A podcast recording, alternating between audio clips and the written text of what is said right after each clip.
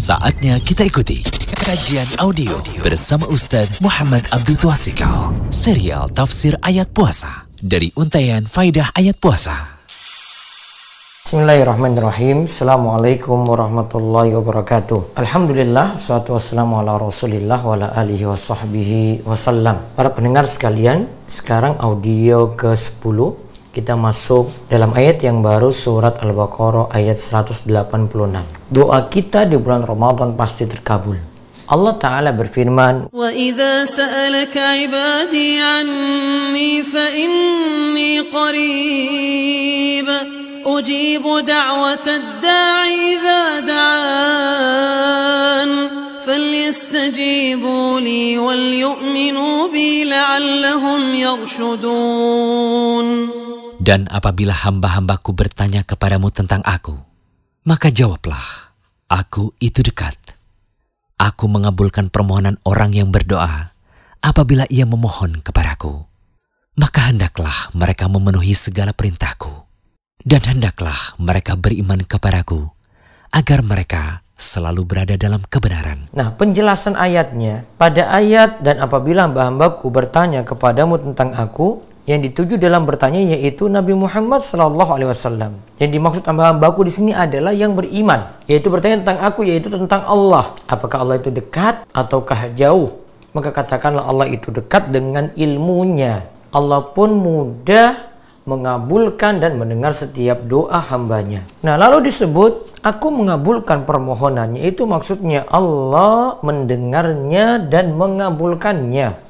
Kemudian kalimat idza da'an. Maksudnya ketika ia berdoa yaitu benar dalam berdoa. Bentuknya adalah hati dalam keadaan hadir, memenuhi syarat-syarat terkabulnya doa seperti ikhlas dalam berdoa, menjauhkan diri dari hal-hal yang membuat doa tidak terkabul seperti makanan yang haram dan berlebihan dalam doa maka penuhilah segala perintahku. Artinya, jika kita mau taat dan patuh kepada Allah, Allah akan membalas dan memberikan ganjaran. Lalu diperintahkan juga dalam ayat untuk beriman kepada Allah, yaitu meyakini bahwa Allah itu dekat dan mengabulkan setiap doa hamba. Jika apa yang diperintahkan dalam ayat dipenuhi, maka seorang disebut berada di atas kebenaran, yaitu disebutkan tadi la'allahum yarshudun. Ar-rusydu dalam ayat ini maksudnya adalah baik dalam berbuat. Nah sekarang kita lihat pembahasan Allah itu dekat. Apa yang dimaksud?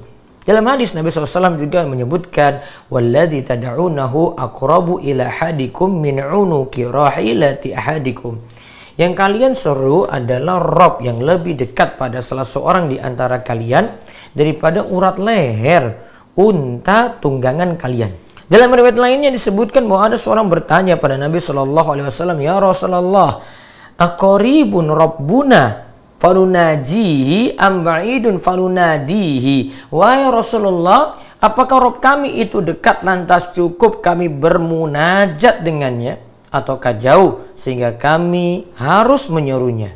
Rasulullah Shallallahu Alaihi Wasallam pun diam dan turunlah ayat yang kita bahas di atas. Nah tentang ayat ini masih tentang fa inni qarib Ibnu Taimiyah katakan ini maksudkan Allah itu dekat yaitu Allah dekat dengan kalian dari urat leher hewan tunggangan kalian. Namun kedekatan yang dimaksud di sini adalah dalam doa. Ingat kedekatan sini dalam doa. Kedekatan yang dimaksud bukanlah pada setiap keadaan.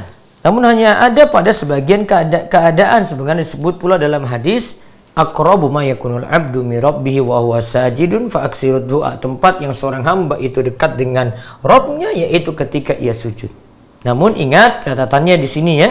Kalau kita bahas Allah itu dekat bukan berarti Allah ada di mana-mana.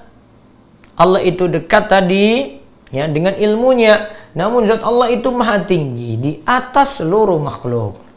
Syekhul Islam Ibnu Taimiyah rahimahullah dalam Al-Aqidah Al-Wasithiyah mengatakan, Kedekatan dan kebersamaan Allah yang disebutkan dalam Alkitab dan As-Sunnah tidaklah bertentangan dengan ketinggian Allah Ta'ala. Ingat, kedekatan dengan ketinggian tidak bertentangan. Tidak ada sesuatu pun yang semisal dengan Allah dalam setiap sifat-sifat Allah. Allah maha tinggi tetapi dekat, Allah maha dekat tapi tetap berada di ketinggian. Kalimat yang sangat bagus sekali dari Ibnu Taimiyah untuk memahami kedekatan Allah.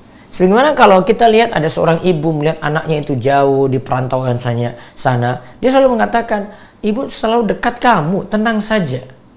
Seperti ini saja ya mungkin bagi makhluk, maka kita pahami bagi Allah itu berbeda dengan sifat makhluknya dari sisi Allah pun bisa lebih daripada itu. Karena tidak bisa kita logikakan sifat-sifat Allah tidak bisa dan tidak bisa kita samakan sifat-sifat Allah itu dengan makhluk. Makhluk itu serba keterbatasan. Ya, ingat ya, makhluk itu serba keterbatasan. Lalu faedah ayat kesimpulannya, ayat ini menunjukkan keutamaan doa dari orang yang berpuasa. Kenapa? Kok dibahas orang yang berpuasa? Karena ayat ini 186 berada di tengah-tengah pembicaraan puasa. Terus kedua, sebagian ulama menganggap bahwa penyebutan doa di akhir ayat puasa menunjukkan kita diperintahkan bersungguh-sungguh untuk berdoa di akhir puasa menjelang berbuka. Karena ingat ya penyebutannya di sini di akhir ayat puasa. Kan 183, 184, 185, kita kan 186, sebentar lagi 187. Dan Nabi Shallallahu Alaihi Wasallam katakan Inna lisaim inda fitrihi la da'watan maturaddu.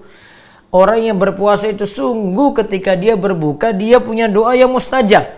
Terus ada hadis tentang doa yang bagus juga kita baca saat berbuka yaitu hadis dari Ibnu Umar diriwayatkan oleh Abu Daud dan Syekh Al-Albani mengasankan hadis ini. Begitu juga Al-Hafiz Abu Tahir zahaba dhama'u wa batalatil uruku wa sabatal ajru insyaallah. Rasa haus telah hilang dan urat-urat telah basah dan pahala telah ditetapkan insyaallah.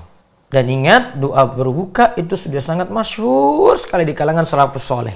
Bosnya mereka itu biasa selain baca zahab atau mau tadi mereka punya kebiasaan untuk berdoa ketika mereka itu berbuka. Faedah yang lainnya lagi yang ketiga, pengabulan doa lebih umum dari pengabulan permintaan tertentu. Ingat ya, pengabulan doa lebih umum dari pengabulan permintaan tertentu. Karena Allah pasti mengabulkan doa dari orang yang berdoa walaupun dengan berbagai macam bentuk. Ingat ya, ada beda pengabulan doa dengan pengabulan permintaan. Kalau pengabulan permintaan kita minta A wujudnya A. Namun di sini dibahas pengabulan doa bisa diwujudkan dalam bentuk lainnya. Makanya dalam hadis kan disebutkan, tidaklah seorang muslim memanjatkan doa pada Allah selama tidak mengandung dosa dan memutus silaturahim, melainkan Allah beri padanya tiga hal. Pertama, Allah akan segera mengabulkan doanya. Yang kedua, Allah akan menyimpannya baginya di akhirat kelak. Yang ketiga, Allah akan menghindarkan darinya kejelekan yang semisal. Para sahabat lantas mengatakan, kalau begitu kami akan memperbanyak berdoa. Kemudian Nabi SAW itu mengatakan, Allahu Aksar, Allah nanti yang perbanyak mengabulkan doa-doa kalian. Maka kesimpulannya setiap yang berdoa pasti akan dikabulkan. Tetapi ada berbagai macam bentuk pengabulan. Terkadang terwujud seperti yang diminta, terkadang pula didapatkan penggantinya. Makanya tadi kan disebut pengabulan doa itu lebih umum dari pengabulan permintaan. Jadi belum tentu kita diberi sesuai dengan yang kita minta. Yang jelas Allah wujudkan bentuknya apa pun di situ. Kemudian faedah yang lainnya lagi, yang keempat, doa adalah sebab terkuat untuk menggapai harapan. Kita punya keinginan apa pun, perbanyak doa pada Allah Subhanahu wa taala. Yang kelima, kalau doa tidak terkabul bisa jadi karena sebab yang berdoa sendiri. Keadaan orang yang berdoa misalnya hatinya tidak hadir saat berdoa, lalai saat berdoa, atau makan makanan yang haram, atau bisa jadi tidak terkabulnya doa sesuai yang diminta karena Allah sudah mengganti dengan yang lain. Atau bisa jadi pengabulannya tertunda kelak di akhirat dan tentu maslahatnya lebih besar daripada dunia yang nanti dia minta.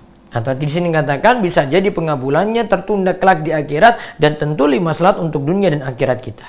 Yang keenam, doa adalah ibadah tersendiri. Jadi kalau kita berdoa kita sudah ibadah pada Allah.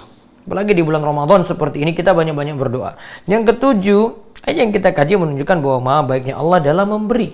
Yang kedelapan, ada keutamaan doa bagi orang yang dalam keadaan susah. Seperti berpuasa, musafir, orang terzolimi, orang yang berada dalam kegentingan dan seterusnya. Yang kesembilan, pengaruh jujur atau benar dalam berdoa.